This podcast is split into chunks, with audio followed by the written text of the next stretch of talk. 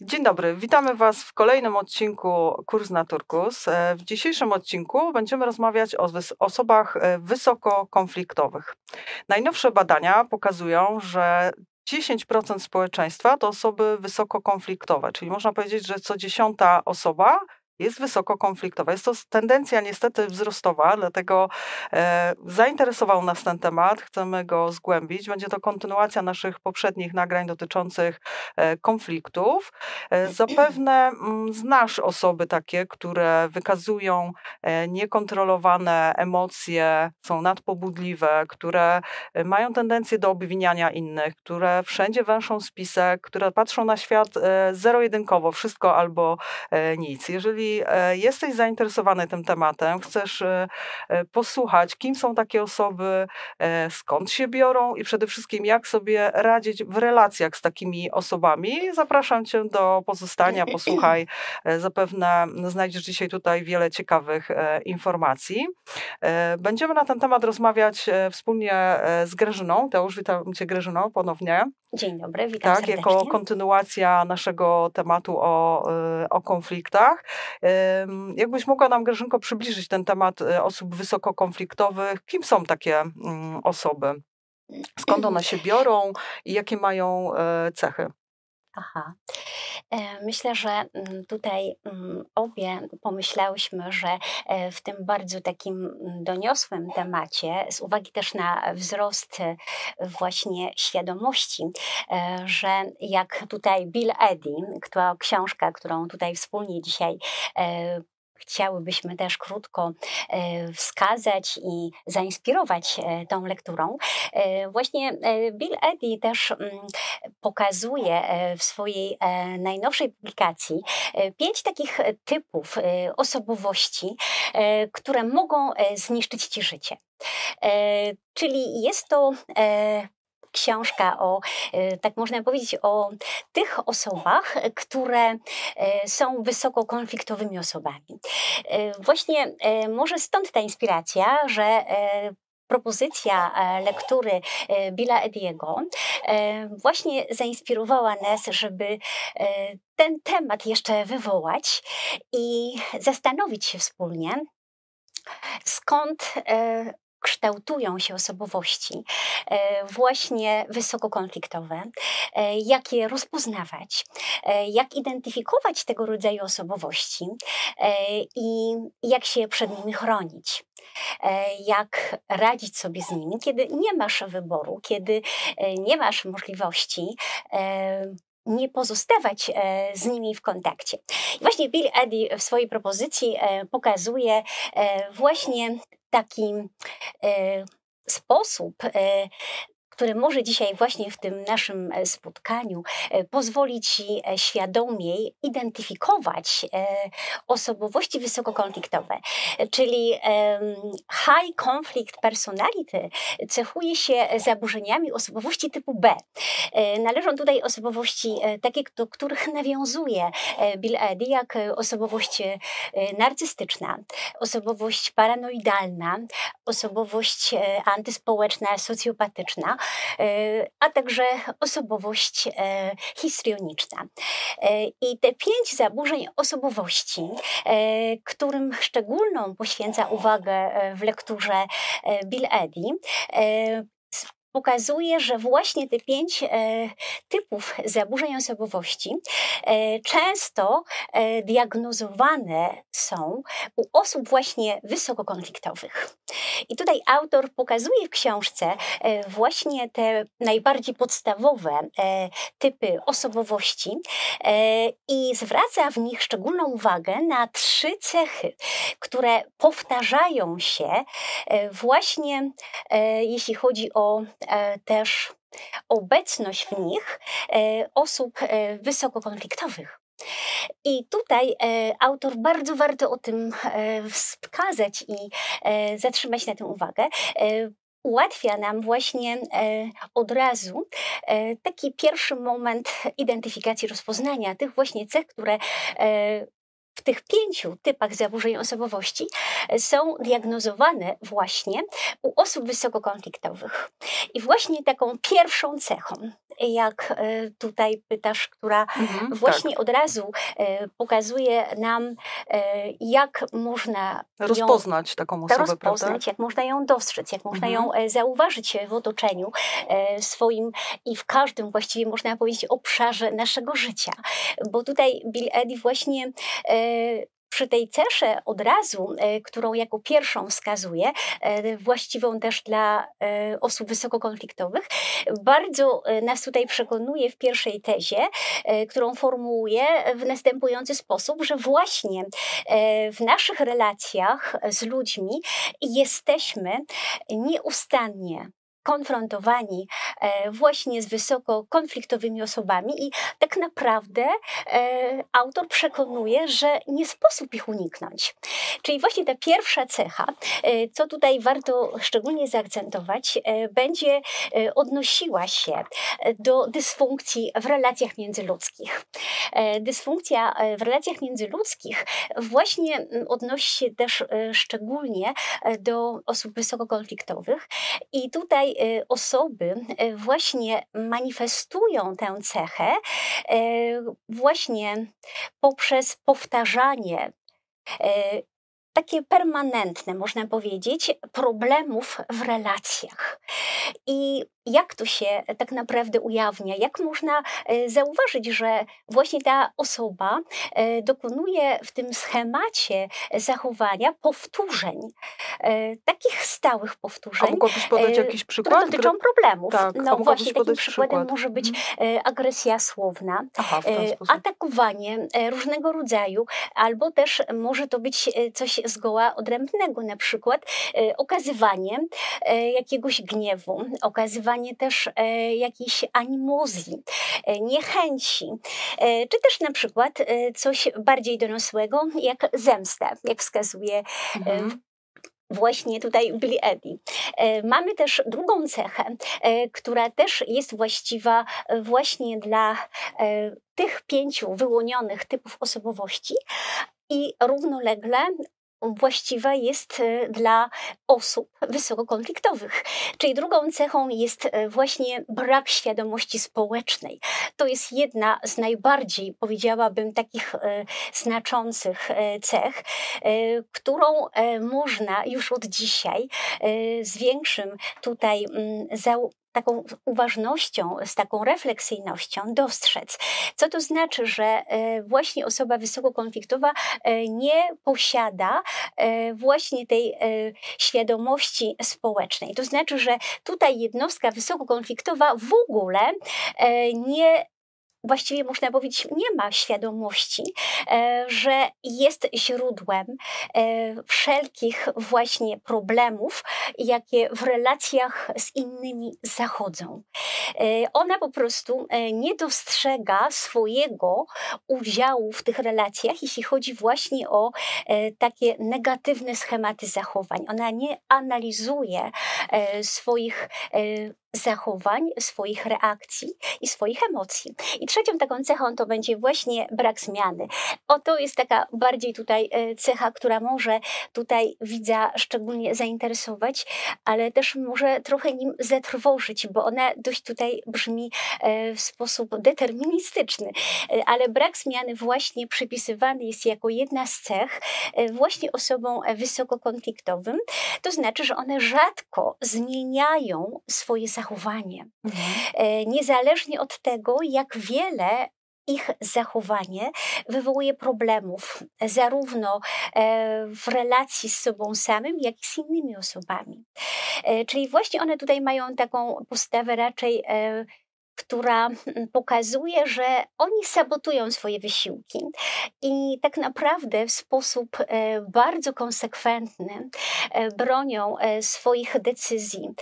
I właśnie większość z nich uważa, że nie ma potrzeby dokonywania zmiany w rozwoju, w zachowaniu, w zmianie tych właśnie wysoko negatywnych schematów zachowań. To jest o tyle, myślę, dla nas interesujące, e, że na pewno widz chciałby usłyszeć, czy ta cecha związana z brakiem dokonywania zmiany w sobie samym, w otoczeniu, w relacjach, a szczególnie zmiany odnoszące się do zachowania, jest właściwa E, każdej osobie zdiagnozowanej jako wysokokonfliktowa. Tutaj oczywiście trzeba pamiętać, że są osoby, które mają silną motywację, które y, pozyskują jakiś rodzaj e, wsparcia e, też społecznego i podejmują taki wysiłek w kierunku zmiany zachowania, ale w większości tego osoby wysokokonfliktowe nie czynią, ponieważ nie widzą takiej potrzeby i nie mają takiej świadomości. Rozumiem, czyli możemy, tylko... dobrze, czyli możemy powiedzieć, że to są takie trzy cechy, żeby to podsumować tak e, klamrą, e, czyli tak. E, brak zmiany, dysfunkcja w, komunikacyjna taka w relacjach i taka aspołeczność, można powiedzieć, czyli brak świadomości e, społecznej. Bardzo e, niska świadomość, e, mhm. właśnie społeczna. To znaczy, że tutaj chodzi o to, że one nie kontrolują osoby wysokokonfliktowe mhm. swoich emocji, nie mają właściwie tej kontroli nad emocjami. I taki człowiek właśnie tutaj nie dostrzega, że on jest też źródłem mm, takim głównym zachodzących e, konfliktów, problemów, sporów e, w otoczeniu, w relacjach z bliskimi, w relacjach tak. zawodowych. Czyli jeżeli już widzimy jakąś z tych cech u, u jakiejś osoby, to powinna się nam co najmniej już lampka czerwona, prawda, e, zapalić. Dalej jeszcze będziemy opowiadać, jak dalej to weryfikować, bo to nie jest, to jest dopiero początek e, drogi, ale zapewne każdy z nas spotkał taką osobę, bo żyjemy w różnych środowiskach, pracujemy przecież z różnymi ludźmi i myślę, że każdy ma jakieś swoje mniejsze bądź większe doświadczenia. A jakbyś mogła, Grażynka, nam jeszcze wytłumaczyć, skąd się biorą tacy ludzie, skąd się biorą mm, wysokokonfliktowe osobowości, czy się z tym rodzimy, czy to nabywamy, bo to jest też bardzo ciekawy temat dla mnie. Tak, no tutaj e, jest to mm, o tyle interesujące z Twojej strony pytanie, e, ponieważ na pewno e, to powinno szczególnie wzbudzać w nas zainteresowanie, ponieważ psychologowie toczą tutaj, można powiedzieć, spory co do źródeł ukształtowania osób wysokokonfliktowych. I na przykład jedną takim znaczących takich propozycji jest właśnie E, taka propozycja, która e, bezpośrednio wiąże się z jakimiś mm, uwarunkowaniami biologicznymi, budową e, typu układu nerwowego, czy też temperamentu. Ale jak się okazuje, żadna z tych właśnie cech nie jest główną cechą, czyli takim bazalnym źródłem, jeśli chodzi o ukształtowanie się osób wysokokonfliktowych. Bardzo taką prymarną, mm, często wywoływaną propozycją w literaturze też, ale też e, w praktyce psychologicznej. e, jest właśnie tutaj propozycja, która e, tak naprawdę odnosi się bezpośrednio do dorastania w rodzinie dysfunkcyjnej. I co ważne, że właśnie tutaj największe znaczenie w rozwoju trudnej osobowości tak naprawdę przypisuje się e, właśnie takim przemocowym, niepewnym i poza bezpiecznym e, przywiązaniom w okresie dzieciństwa. E, warto tutaj szczególnie zaakcentować, że właśnie bezpieczny styl przywiązania w dzieciństwie buduje takie poczucie zaufania do ludzi, buduje też poczucie sensu i co ważniejsze, akceptacji świata. Ale taką tutaj mamy akceptację, e, która e, jest e, dla nas miejscem takim, które sprzyja rozwojowi określonych potrzeb i realizacji celów. Stąd musimy powiedzieć tutaj jednoznacznie, szukając tych źródeł, że tak naprawdę o prawidłowym rozwoju właściwie decyduje dynamika relacji z głównymi opiekunami. E, I dlatego właśnie ta e, więź bezpieczna, przywiązaniowa w dorosłym życiu e, powoduje wiele bardzo dobrych relacji. Z kolei wzorce takie budowania na przykład więzi w dzieciństwie stają się właśnie z tego powodu taką właściwie dyspozycją, e, trwałą cechą, trwałym sposobem budowania więzi w dorosłości. Czyli na przykład, jeśli mamy e, w dzieciństwie e, więzi pełne obaw, mamy takie więzi e, związane z unikaniem relacji, to osoby odrzucane i wykorzystywane w dzieciństwie mają taką silną inklinację do negatywnego postrzegania innych ludzi.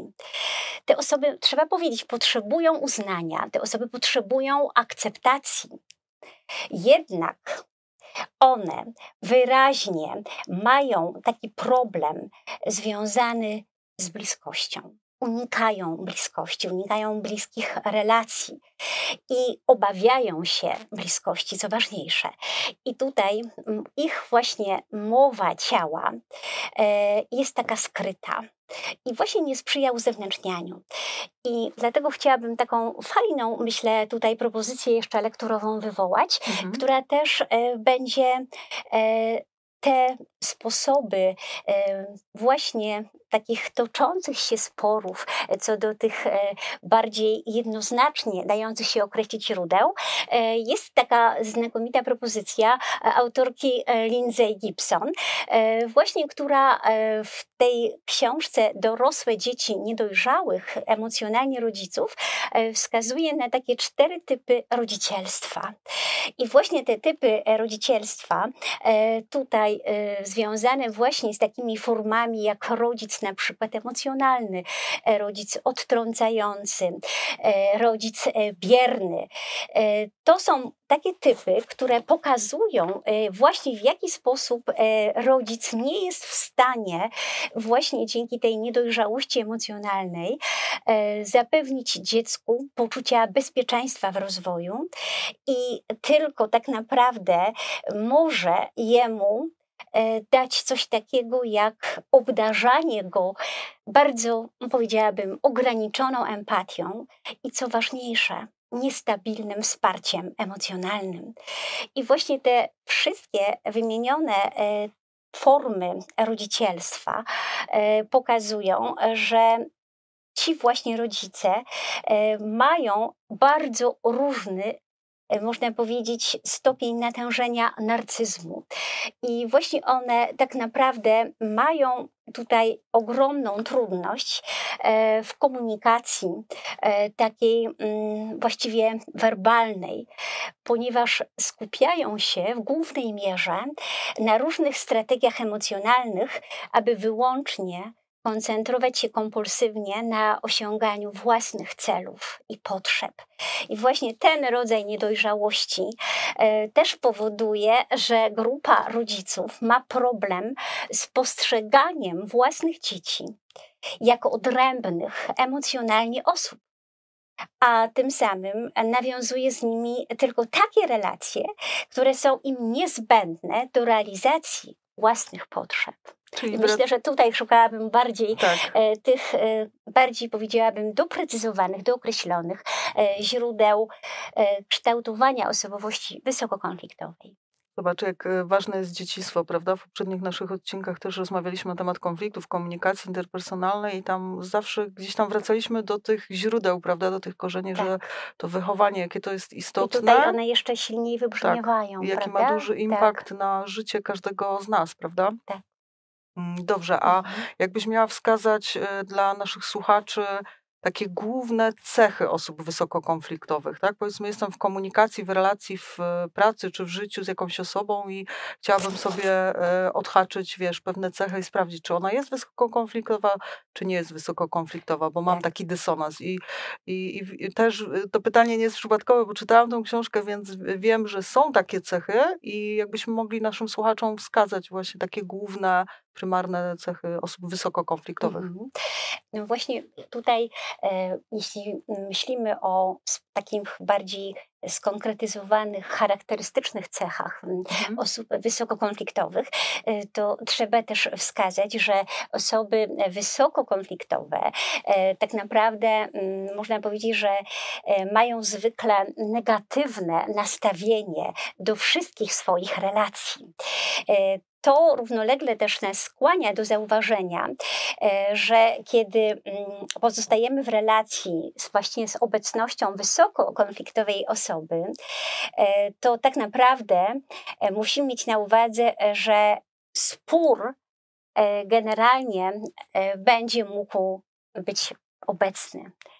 I tutaj chodzi o to, że też Bill Eddy e, w swojej książce e, pokazuje, e, że tak naprawdę osoby wysokokonfliktowe mają problem zawsze, w każdym momencie, właśnie, żeby ukierunkować się na poszukiwanie rozwiązania konfliktu, e, żeby konflikt e, jakoś starać się rozwiązać. E, I bardziej tutaj nie skłania ich do poszukiwań właśnie rozwiązań konfliktów, chociaż sami są o tym bardzo przekonani, że tak czynią, że brakuje im takich, takiej wewnętrznej równowagi oraz właśnie e, takiej, można powiedzieć, umiejętności e, samokontroli. I inaczej mówiąc, e, Właśnie Bill Eddy pokazuje, że taką pierwszą cechą jest rodzaj myślenia, typ myślenia. Wszystko albo nic. I właśnie e, ten Czyli takie rodzaj zero myślenia, albo jeden, czarne tak. albo białe, prawda? Dokładnie tak, ale właśnie w tym e, kontekście tego właśnie spojrzenia na spór, na konflikt, na sytuację mhm. trudną. E, to znaczy, że tutaj znacząco należy podkreślić, że wysoko konfliktowa osoba w sytuacji zaistnienia konfliktu, ona dostrzega tylko jedno, jego rozwiązanie. Mhm. I w takim momencie, takiej percepcji, na poszukiwanie innych e, punktów widzenia czy e, innych możliwości e, nie staje się dla niej realne do zrealizowania. I właśnie ten styl myślenia wobec konfliktu przede wszystkim manifestuje się w krytyce, wszelkiego rodzaju manifestowaniu też różnych rodzajów agresji. I bardzo tutaj znamienne jest to, że kompromis e, jako strategia radzenia sobie dla tych osób też e, nie jest dostępny wysokokonfliktowy. To jest ta właśnie pierwsza cecha, czyli styl myślenia. I na e, przykład I... też, podam przykład, bo też rozmawialiśmy wcześniej że ktoś y, zawsze szuka winnego, prawda? Y, nie zawsze w relacji, czy w sporze, czy w kłótni, czy, czy w konflikcie musi być winny, prawda? A taka osoba wysokokonfliktowa zawsze wskazuje i szuka tej winnej osoby, nie? To też jest bardzo Dokładnie tak. charakterystyczne. Tak. Ponieważ ona y, oczekuje też, że w tym scenariuszu rozwiązań konfliktów zawsze będzie realizowany wyłącznie jej punkt widzenia. widzenia. Mhm. I tutaj nie ma mowy o elastyczności Tutaj nie ma mowy o negocjacji, e, tylko jest e, oczekiwanie właśnie mm, spełniania życzeń. Mhm. Tak. E, to jest taka pierwsza z tych cech. Oczywiście drugą cechą jest tutaj taki bardzo niski poziom kontroli emocjonalnej. To jest też bardzo znacząca cecha, ponieważ emocje stają się tutaj głównie środkiem manipulacji dla osób wysokokonfliktowych. I właśnie ten niski poziom tej kontroli emocjonalnej ma bezpośredni związek E, u właśnie osób wysokokonfliktowych e, z intensywnym przeżywaniem emocji, Czyli takie huśtawki tak? nastrojów i takie mm, niekontrolowane wybuchy, takie kompulsywne, tak? E, Dokładnie kompulsywne, ale też jeszcze bardziej takie, które odnoszą się do braku sprawowania kontroli nad mhm. emocjami. Tak. I właśnie tutaj m, mm, trzeba pamiętać, że emocje jako ten główny e, środek manipulacji u tych osób będzie równolegle e, sposobem wyrazu silnej frustracji e, wobec ludzi znajdujących się w otoczeniu, wobec najbliższego partnera, członka rodziny, e, wobec oczywiście e, pracownika, czyli tak to tutaj bardzo istotnie należy mm, wskazać i podkreślić, że właśnie osoby wysoko konfliktowe mają stałą inklinację też do powrotu do swoich takich naprawdę silnych emocji z przeszłości. Mhm. Wobec określonych osób. Na przykład w takiej postaci, że one mm, bardzo koncentrują uwagę na przyszłości. Wracają pamięcią do przeszłych zachowań i koncentrują się wyłącznie na krytykowaniu innych. Tak. Czyli tutaj możemy też jednoznacznie powiedzieć, że tak naprawdę ich... To będzie taka trzecia już w sumie cecha, prawda? Tak, to, to, jest, tendencja to jest, taka do krytykowania. To jest druga cecha, która właśnie skłania ich do e, takiego działania właśnie w tym sposobie niskiego poziomu kontroli mhm. emocjonalnej, mhm. e, właściwie skłania ich do jednego tylko takiego nadrzędnego celu, aby właśnie skupiać się na przeszłości, a nie na teraźniejszości. I tutaj e, z tego też względu, że ten brak kontroli nad emocjami e, stwarza mm, dla osób wysokokonfliktowych pozostawanie tylko w jednej z ról, e, właśnie w roli ofiary. I często I... też takie osoby właśnie jak już są w tych negatywnych takich emocjach w tej huśtawce, to wskazują jako wymówkę, że to jest stres, że to jest wyjątkowa okoliczność. Dokładnie to też tak. warto wskazać, nie? że, tak. E, że zawsze jest jakaś wymówka dla tych emocji, żeby przykryć jak gdyby, nie wiem czy to dobrze nazwą, e, Dokładnie tak. psychologicznie, tak. czy to się tak nazywa, że to jest e, ukrycie jak gdyby prawdziwego źródła tych emocji. Nie? Tak.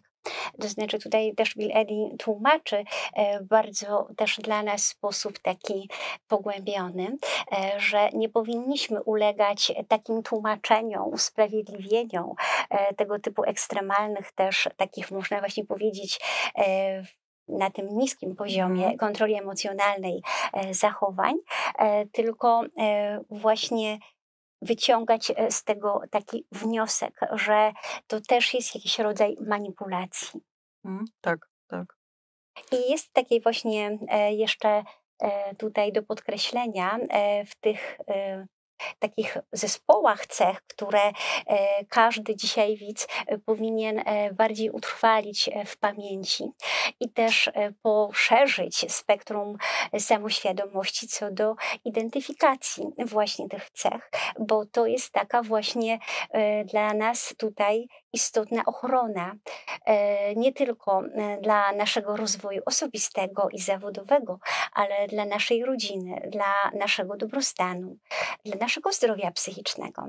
I właśnie teraz ta trzecia cecha też ma tutaj swoje bardzo znamienne do uwypuklenia właściwości. I to jest cecha, która odnosi się do ekstremalnych zachowań, które deformują ludzi i otoczenie i to właśnie e, też jest takie dla nas do zapamiętania, że tutaj te deformacje odnoszą się do takich skrajnie negatywnych zachowań i manifestują się właśnie wobec potencjalnych ofiar e, na bardzo wiele można powiedzieć, zróżnicowanych sposobów. Może to być na przykład e, agresja słowna, o której już wspominałyśmy, ale może być to też przemoc fizyczna. Mhm. E, może to być też e, inny przejaw właśnie ekstremalnych zachowań w postaci takiego nadużywania kłamstwa, intryg manipulacji takiej. Tak? Dokładnie. I plotki. To też jest właśnie przejaw ekstremalnych zachowań, które właśnie de deformują ludzi i otoczenie. Tak? Mhm. Tak? Bo chodzi o to, że właśnie e, te osoby wysokokonfliktowe e, przyjmują e, strategię takiego bardzo często stałego kontaktu e, z potencjalnymi ofiarami, na przykład w postaci monitorowania, śledzenia ich zachowania, ich e, reakcji, albo też e, w zgoła odmienny sposób reagują poprzez na przykład zaniechanie kontaktu. E, poprzez unikanie kontaktu, tak? Czyli właśnie może to być przejaw zachowań odnoszący się do monitorowania zachowań, śledzenia, kontroli tych zachowań i reakcji, albo też właśnie wycofanie z relacji. To też jest taki e, elementarny przejaw e, zachowań ekstremalnych. I właśnie te ekstremalne zachowania, trzeba tutaj bardzo znacząco powiedzieć, mają związek bezpośredni z silną potrzebą kontroli ludzi, E, bądź dominacji nad nimi. Tutaj to jest ten cel taki, który przyświeca e, w głównej mierze e, właśnie ekstremalnym zachowaniom u osób wysokokonfliktowych. I tutaj jeszcze na koniec tej ceszy trzeba wywołać coś takiego jak zastosowanie też emocjonalnej manipulacji.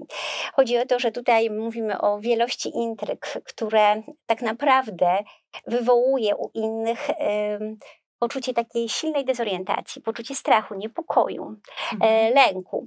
E, no właśnie chodzi o to, że też mm, ta strategia mm, emocjonalnej manipulacji e, jest strategią, która w ogóle w świadomości osób wysokokonfliktowych E, nie stwarza okazji e, do uświadomienia sobie, jaki rodzaj cierpienia i jaki rodzaj silnego, destruktywnego wpływu na innych mają właśnie tego typu ekstremalne zachowania.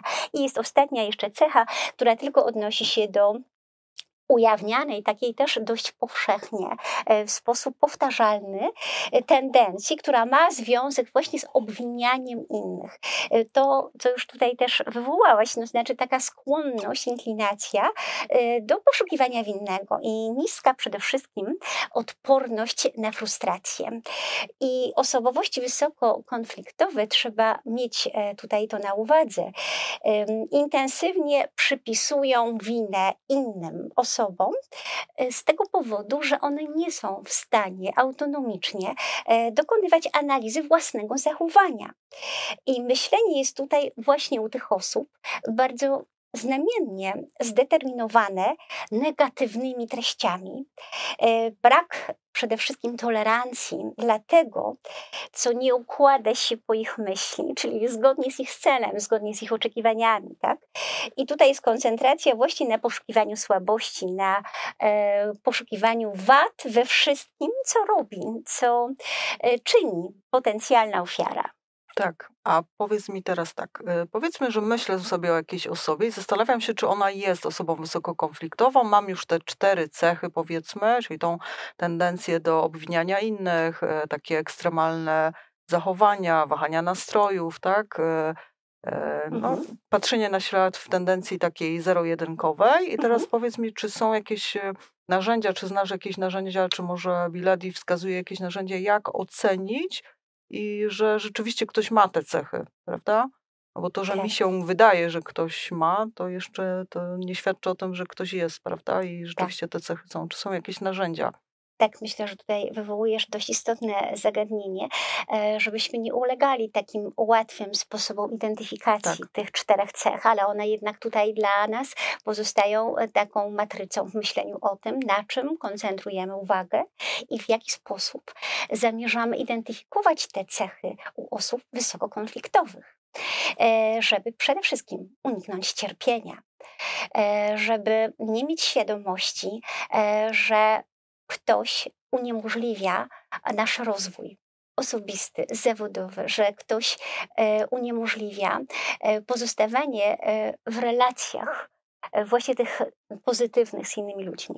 I tutaj właśnie jest e, taka propozycja w książce e, Billa Ediego, e, do której można się odnieść, żeby właśnie jeszcze zdiagnozować, czy na pewno się nie mylimy w dokonywaniu identyfikacji sprawnej tych czterech właśnie wyróżnionych tutaj przez Billa Ediego cech.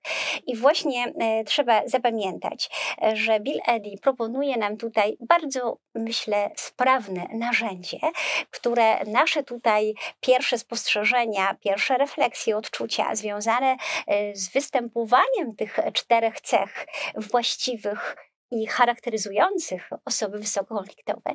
Jest to właśnie narzędzie, które nazywa Bill Eddy Web, e, czyli e, Words, Emotions, Behavior. Czyli tutaj zachęca nas Bill Eddy do takiego użycia narzędzia, które skupi naszą uwagę na trzech elementach. Pierwszym z tych elementów będą słowa, tak? Czyli właśnie chodzi o to, żebyś teraz skupił się i zauważył, dokonał rozpoznania i sprawdził, jakimi właściwie słowami, jakimi procedurami językowymi posługuje się e, właśnie osoba wysokokonfliktowa, tak? Czy one tutaj od razu wydają ci się te używane słowa, wydają ci się w jakimś sensie zgodne i zasadne właśnie z tym schematem e, negatywnych zachowań wysokokonfliktowych Mamy osób. przykładowe jakieś takie słowa, sformułowania? Tak, są to takie słowa, które też dotyczą myślenia wszystko albo nic. Ty zawsze. Ty Generalizowanie, zawsze tak? tak? Generalizowanie tak, to są takie, takie mhm. słowa, które bezpośrednio dotyczą też takiej tendencji do obwiniania, do, Wszyscy do są fałszywi, nikomu Tak, nie wszyscy są, e, ufam. tak, mm, Mhm. że jak gdyby nie mamy dobrych intencji, e, oczywiście taka podejrzliwość też, Mhm. ale głównie chodzi o to, że mm, sprawdzamy e, to, mm, jaki rodzaj tych procedur językowych, kiedy uczestniczymy e, właśnie w bezpośredniej interakcji z osobą wysokokonfliktową, e, zaczyna jakoś z nami tutaj współistnieć, Mhm. że czujemy się niekomfortowo że czujemy się zatrwożeni, czujemy się e, niepewni. Czyli e, właśnie musimy tutaj bardzo uwrażliwić e, siebie samych e, właśnie e, w tej metodyce aktywnego słuchania, e, żeby rozpoznać właśnie te na przykład strategie właśnie w tych słowach też wykorzystywane przez osobę e, wysokokonfliktową. Tak na przykład, że ktoś ma tą tendencję taką do obrażania innych, do wskazywania jego ułomności, jego słabości, ale tak naprawdę sprawdzamy, czy on ma dostęp równolegle do swoich uczuć, e, czy ma problem z ich wyrażaniem, e, ujawnianiem, okazywaniem, czy na przykład e, nie wysyła mm, dziesiątki SMS-ów, maili, które właśnie mm, bez tej kontroli emocji i bez e, tego pozostawania z sobą w kontakcie z emocjami, e, stają się taką strategią nieużyteczną, e, która potęguje właśnie w nas samych to przekonanie, że mamy z osobą mm, toksyczną kontakt, ponieważ te jej usiłowania właśnie prowadzą e, do tego, że i tak e, problem, konflikt nie zostaje rozwiązany. I te, jeszcze jest tutaj właśnie mm, w tym elemencie kolejnym e, do naszego tutaj ukierunkowania uwagi propozycja tego rodzaju, aby skupić się na emocjach, ale tym razem chodzi to o Twoje emocje. E, Tym razem e, Bill Eddy proponuje w swoim narzędziu, w tej swojej autorskiej propozycji, abyś siebie stawiał tutaj za cel, abyś dokonał rozpoznania swoich emocji, e, kiedy pozostajesz w relacji z osobą wysokokonfliktową. E, Tutaj myślę, jest to e, dość spektakularna propozycja, bo ona zachęca do takiego zindywidualizowanego wglądu, czyli rozpoznania, jakie towarzyszą tobie uczucia, emocje, kiedy pozostajesz w otoczeniu tej właśnie osoby. E, I tutaj jest taka propozycja, żeby to zweryfikować jeszcze e, w sposób taki dla siebie bardziej osobisty, e, że powinieneś się zastanowić, analizując swoje emocje, czy na przykład zdarza ci się czuć w kontakcie z tą osobą w sposób taki, że ta osoba traktuje cię w sposób odrzucający. Albo na przykład czujesz lekkie poddenerwowanie, powiedzmy, Tak, masz, niepokój. nie wiem, niepokój, masz Tak. spotkanie z tą osobą, albo jest to ktoś z rodziny, ktoś ma do ciebie przyjechać, a ty już dwa dni przed czujesz Dokładnie, się już źle. oczywiście analizujesz Mhm. e, właściwie sytuację, wyprzedzasz, Tak. e, myślisz o tym, przeżywasz sytuację, ale bardziej chodzi o taką refleksję i zastanowienie się, co naprawdę czuję, gdy pozostaję w owej relacji, e, lub Mhm. kiedy myślę o spotkaniu, już tak jak powiedziałaś, e, o tej osobie. I tutaj chodzi o to, że mogą to być takie rzeczy, które na przykład takich pytaniach sobie sam e, formułujesz, czy czuje się na przykład e, niewystarczająco dobry, e, czy czuje się e, deprecjonowany e, w kontakcie z tą osobą, e, czy czuje niepokój, czy odczuwam brak Tak, akceptacji. myślę, że to będzie łatwe dla, dla naszych słuchaczy do, do stwierdzenia, bo to intuicyjnie, prawda, czujemy. Nie? Nasz organizm bardzo szybko daje znać, prawda, w takich sytuacjach, że coś jest nie tak i zapala się czerwona lampka. Dokładnie, Myślę, że... ale czasami to pomijamy i Mhm. nie chcemy mm, właściwie koncentrować naszej uwagi na, Tak, na sobie. oszukujemy sami Zaczynamy siebie. tę Mhm. osobę usprawiedliwiać, Tak. e, prawda, że może nasze mm, odczucia są niewłaściwe, może są nieadekwatne. Mhm. To też jest bardzo tutaj ważne do podkreślenia, żeby mm, u odbiorcy wywołać potrzebę refleksji i zastanowienia, e, co naprawdę w swoich emocjach się dzieje, co przeżywasz. E, Kiedy właśnie jesteś w otoczeniu, e, którą potencjalnie postrzegamy jako wysoko konfliktową. I na pewno tutaj e, nie będziesz miał trudności z odpowiedzią na, na te pytania. Mamy też jeszcze zachowanie, jako tutaj bardzo też interesująca e, w tym trzecim elemencie tego narzędzia, propozycja do e, też namysłu. E, Zachowanie, czy ta osoba na przykład, zaczynam się zastanawiać, czy ta osoba zachowała się kiedyś w sposób ekstremalny, czy ta osoba kiedyś potraktowała mnie w jakiś sposób negatywny? E, Czy słyszałem, że inni e, też mieli doświadczenia związane e, z traktowaniem ekstremalnym Mhm. przez tę osobę, czyli jakiś rodzaj odrzucenia, jakiś rodzaj gniewu, niechęci. Czyli właśnie te kwestie tutaj są bardzo istotne w tym narzędziu do indywidualnego jeszcze e, takiego głębszego Przeanalizowania. i Mhm. zanalizowania. Tak. Rozumiem. Mhm. E, Bardzo fajnie, czyli wiemy już, kim są osoby takie toksyczne, wysokokonfliktowe, mm, jak się nimi stają, jakie są główne mm, cechy tych osób. I teraz przechodzimy do najważniejszej rzeczy, myślę, że interesującej wszystkich, jak sobie radzić z takimi osobami. Czy są jakieś metody? Podpowiedziałabyś nam coś, Grażynko? Myślę, że, że to będzie no, A, bardzo, tak. bardzo potrzebne, prawda? No bo Mhm. tak, mamy takie osoby wśród e, swoich e, e, współtowarzyszy w rodzinie, w pracy, znajomych i, i teraz jak sobie z takimi osobami poradzić, bo prawda, no nie wyeliminujemy rodziny, nie, wyelimin- nie wyeliminujemy współpracowników w pracy, prawda? Musimy się Mhm. nauczyć jakoś żyć i współistnieć w tych relacjach i komunikacji i e, jakie tutaj e, zasady przyjąć, zachowania. Liczę, że nam coś tutaj podpowiesz ciekawego. Bo tak, Tutaj- pierwsza część była taka bardzo, bardzo poważna. mm, Nie chciałabym, żeby tutaj e, wybrzmiało to, teraz że to jeszcze- jest takie straszne i tak dalej, bo, bo to jest życie, prawda? Są takie osoby toksyczne mm, w społeczeństwie naszym bliskim i dalszym i teraz musimy się po prostu tylko nauczyć, jak, jak z nimi mm, Mhm. współdziałać i i fajnie, jakbyś nas wyposażyła w taką wiedzę.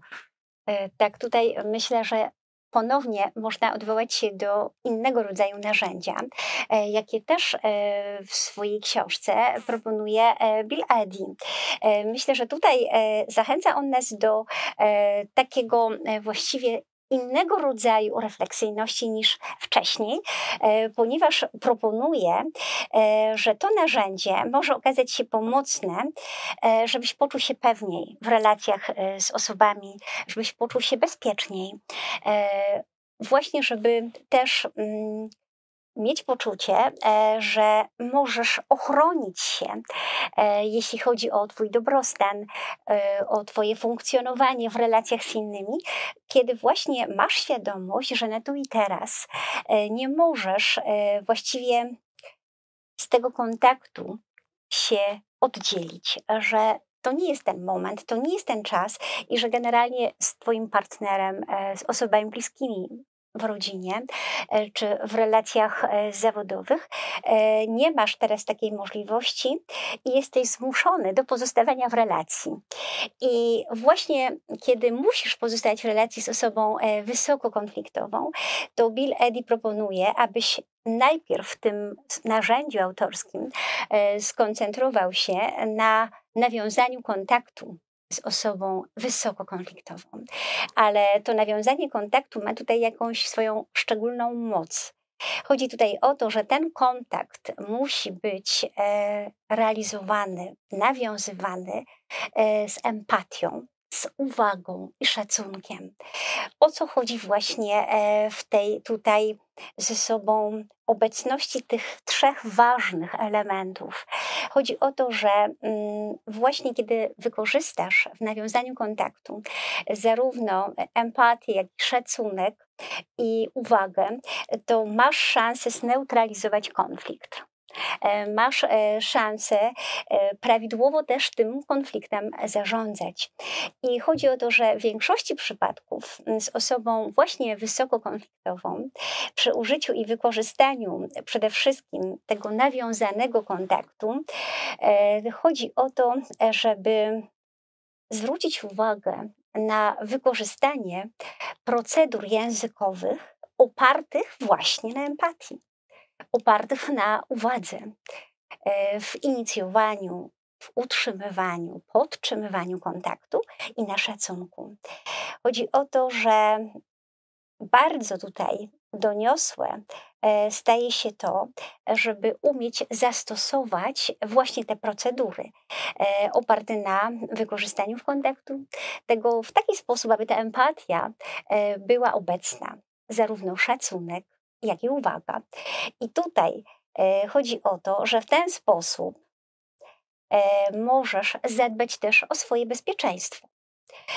Jeśli na przykład e, osoba będzie ujawniała jakiś rodzaj agresji e, w relacji, no to oczywiście nie będziesz nadużywał e, empatii i nie będziesz nadużywał w tym momencie i wykorzystywał uwagi, tylko będziesz głównie koncentrował się na własnym bezpieczeństwie. Ale w pozostałych przypadkach Ważne jest to, abyś umiał na przykład w sytuacji sporu, w sytuacji trudnej, ważnej dla siebie rozmowy, spotkania, e, na przykład zapytać w taki oto sposób, e, czy też sformułować e, takie zdanie. Dostrzegam, że to, w jakim teraz znajdujesz się w stanie, to, jak się czujesz, jest dla ciebie wysoce niekomfortowe. I tutaj, w tej sytuacji, wykorzystujesz empatię. Czyli ta procedura zostaje przez ciebie bezpośrednio wykorzystana. Możesz też odnieść się z kolei równolegle e, do uwagi. Na przykład możesz sformułować, e, podtrzymując kontakt, e, taką procedurę językową, żeby zachęcić właśnie do takiego pozostawania w bezpiecznej relacji, możesz zachęcić e, w następujący sposób osobę wysoko konfliktową do kontynuacji rozmowy. Na przykład powiedz mi coś więcej, jak ty to rozumiesz, czym to dla ciebie jest. I tutaj e, takim sformułowaniem e, ujawniasz uwagę, uwagę skupioną na relacji, na kontakcie. Albo możemy też e, spróbować mm, bardzo doniośle zaakcentować udział szacunku podczas rozmowy, kiedy na przykład powiemy, e, bardzo doceniam, że masz wolę kontynuowania rozmowy, e, że chcesz ten problem ze mną jeszcze z innych e, perspektyw, jeśli uznasz, jeśli to możliwe, zobaczyć. I tutaj właśnie chodzi o to, żeby przedstawiać osobowości wysokokonfliktowej właśnie taki wachlarz sposobów, które ten kontakt utrzymują w aurze poza obroną, e, poza jakimiś e, nie pozytywnymi emocjami, tylko właśnie w sposób pokojowy i akceptujący. Ale to jest trudne, wiesz, tak jak to by powiedziałaś. Było takie już... pierwsze, tak, takie tak. wyjście w tym narzędziu, ale mamy też tak. jeszcze e, na przykład mm, analizę opcji, analizę możliwości w mm. tym narzędziu, analizowanie opcji i możliwości, e, jako też e, strategia radzenia sobie z osobą wysokokonfliktową w kontakcie, będzie tutaj e, ukierunkowana na to, abyś umiał ukazać osobie wysokokonfliktowej różnego rodzaju propozycje, alternatywy, żeby ona miała świadomość, że może dokonać wyboru. I ma możliwość podjęcia autonomicznej decyzji. Wtedy poczuje się e, szanowana i ważniejsza. Czyli właśnie e, takim elementem e, drugim w tym narzędziu jest koncentracja na takim poszerzaniu wielowariantywnych opcji, możliwości wyboru co do sytuacji, co do sporu, co do konfliktu, którymi może e, w kontakcie z nami zadysponować e, osoba wysokokonfliktowa.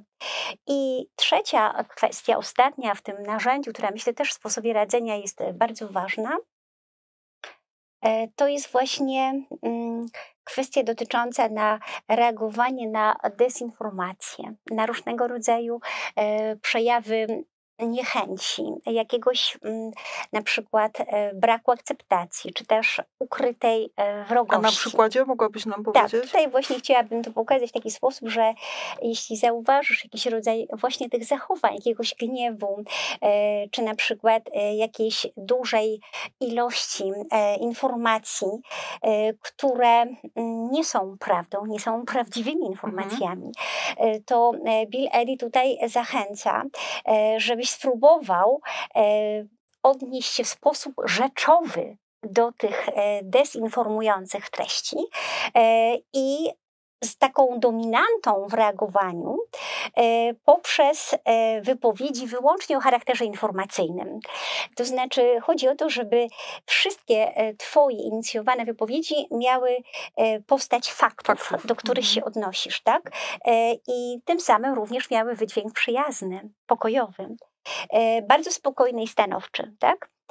A tym samym właśnie ta stanowczość będzie pokazywała, że zamykamy dyskusję, że e, odwołujemy się tylko do e, tego, co ma charakter informacyjny, rzeczowy. A co z wyznaczaniem granic? Bo wydawało mi się, że powiesz o takiej metodzie też. Nie wiem, czy to też jest metoda taka, żeby takiej osobie postawić pewne granice E, tak. Że, to że jest tutaj właśnie, i nie dalej, prawda? Dokładnie. To jest jeszcze z kolejnych, e, właśnie w tym narzędziu też e, propozycja. Chodzi o to, że rzeczą bardzo ważną pozostaje z osobami wysoko konfliktowymi próba jednoczesnego w kontakcie pozostawania z wyznaczonymi granicami. Ale nie wystarczy tylko je wyznaczać, e, ponieważ e, osoby e, wysokokonfliktowe mają skłonność do właściwie bogatelizowania tych tak. granic. Tak.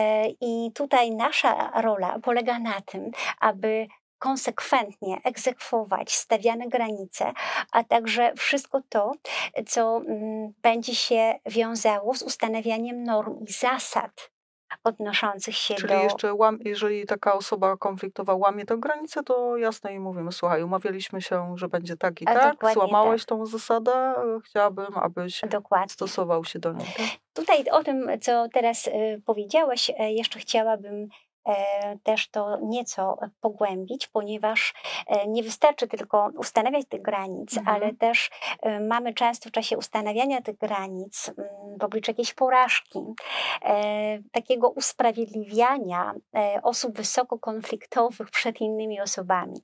Tego nie możemy robić.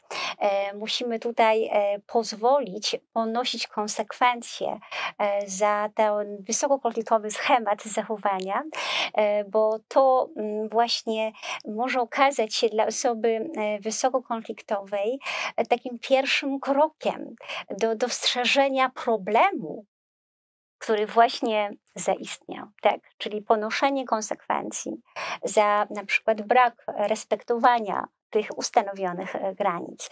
I tutaj możemy jeszcze e, wspomnieć o czymś takim jak wysoka asertywność, która też jest przydatna mhm. e, poza tym narzędziem, dlatego że mm, tutaj należy komunikować bezpośrednio o uczuciach, jakie przeżywamy, ponieważ te osoby generalnie nie komunikują się poprzez wyrażanie, nazywanie, ujawnianie uczuć. Tak, to tak jak mówiliśmy na początku, że one mają zaburzone te relacje, takie, takie postrzeganie tak, społeczne. Tak, nie tworzyli nigdy mhm. tych autentycznych, głębokich relacji mhm. z innymi, e, dlatego że właśnie w ich przypadku e, to było tak, że te pierwsze nieprawidłowe relacje e, tworzone w z innymi w dzieciństwie, tak. właśnie one mm, ukształtowały pewien Schemat wzorzec działania. zachowań, mhm. tak? tak? Żeby przetrwać. Żeby przetrwać. I ten wzorzec ukształtowanych zachowań dla przetrwania jest o tyle tutaj znamienny, że właśnie wchodząc w dorosłość, te osoby mają przekonanie, że pozostawanie w konflikcie jest być może jednych, takim jednym z jedynych możliwych sposobów Sztuka przetrwania. funkcjonowania z innymi. Dobrze. Czyli to tutaj, tylko że ta wysoka asertywność też powinna nas tutaj mm, informować, kiedy ją wykorzystujemy, że możemy tutaj natrafić na opór. Tak. Fajnie, bardzo Ci dziękuję Grażynko za tak piękne omówienie tematu osób wysokokonfliktowych, osób toksycznych. Mm, na pewno nasi słuchacze e, znaleźli tutaj odpowiedzi na nurtujące ich pytania, także bardzo dziękujemy. E, jeżeli macie ochotę zapoznać się i zgłębić temat osób właśnie mm, toksycznych, wysokokonfliktowych, to polecam Wam właśnie tą książkę Pięć typów osobowości, które mogą zniszczyć Ci życie, Bill Eddy. W komentarzu wrzucimy może jeszcze dokładnie link do książki, czy, czy jeszcze dodatkowe jakieś informacje, bo jeszcze wspominałaś o tej drugiej książce, to może też wrzucimy takie info dla tak, naszych słuchaczy. Taki, tak, tak, w kolejnym odcinku będziemy rozmawiać o równie mm, ciekawym temacie, też powiązanym troszkę z komunikacją interpersonalną, z konfliktami, a mianowicie o sztuce aktywnego słuchania. Także świetny też temat. Słyszałam też takie fajne powiedzenie, że po to e, mamy e, dwoje uszu i jedno usta, żeby więcej słuchać, a mniej mówić, więc e, zapraszamy Was serdecznie na kolejny odcinek i do zobaczenia. Dziękujemy, do zobaczenia. Dziękujemy.